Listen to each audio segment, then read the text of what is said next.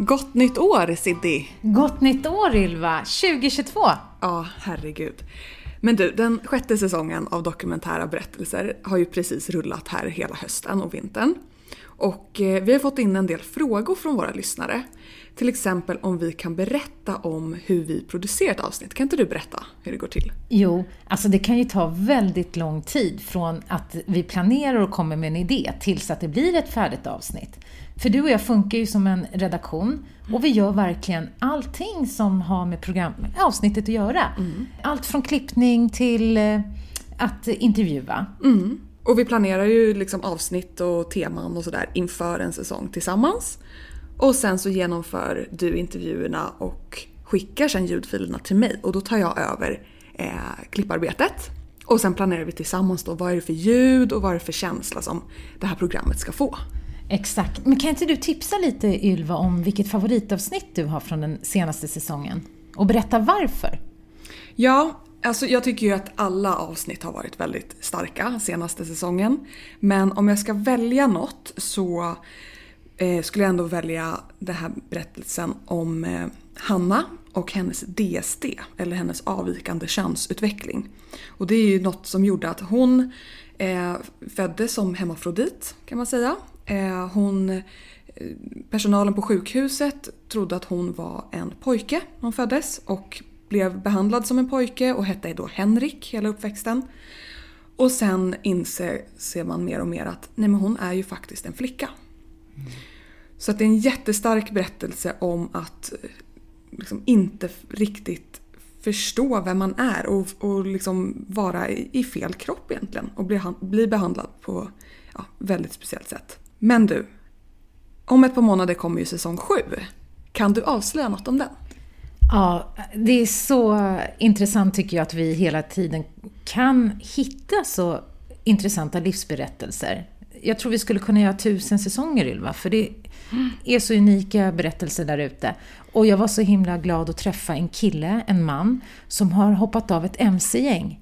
Och herregud, den historien han berättar om hur det var att leva, den intensiteten att leva under den vardagen som man gör i ett mc-gäng. Mm. Och sen den barndomen han har haft. Alltså det går rätt in i själen faktiskt. Mm. Eh, och han har ju varit så stark så han har lyckats ta sig ur den här, det här gänget. Mm.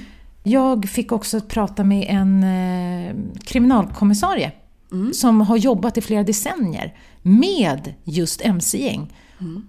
Och jag visste inte det här Ylva innan vi började göra research. Men det är det största kriminella gänget i Sverige. Alltså de har typ 5700 medlemmar. Och det är större än vanliga gatugäng. Det, det hade inte jag en aning om. Mm. Men de verkar lite mer i det dolda. Mm. Just det. Ja men så spännande avsnitt. Eh, men du, en annan fråga vi har fått in här. Hur har det varit att få tag på intervjupersoner? Alltså det har varit jättesvårt under coronapandemin, verkligen. Och det kan, till exempel så hade jag bokat in tre intervjuer, det är alltså grunden till tre avsnitt. Och en efter en bokar av såklart, för att man får inte komma till studion om man har minsta symptom. Mm. Eh, en gång hade jag bokat in faktiskt den här tjejen med DSD. Så dels var det corona och sen så blev det snöstorm en, en dag när hon skulle åka jättelångt för att komma till Stockholm och vara med i studion. Så det är inte lätt att få ihop det. Ibland blir man lite orolig. Gud, hur ska vi få ihop en säsong? Det ska liksom sändas om några månader. Mm. Men ja, det har löst sig i alla fall. Men det är inte lika lätt som det är när det inte är pandemi såklart. Nej, Nej men det är helt galet. Så säsong 7 kommer alltså till våren och alla andra säsonger finns ju självklart helt gratis på Podplay och alla andra plattformar där det finns poddar. Och återigen, vi vill verkligen tacka er alla som lyssnar på podden. Utan er så blir det ingen podd, så dela den gärna så att den kan spridas till flera. Och hör av er också nu om ni har någon livsberättelse ni vill dela med er av. Och det kan vara allt ifrån hur man kämpar i sin bonusfamilj till att man har varit med om någon jätteunik situation eller levt ett jätteunikt liv. Precis. Och har ni det så mejla oss på kunskapsstudion gmail.com och så önskar vi er lyssnare ett riktigt bra 2022. Gott nytt år!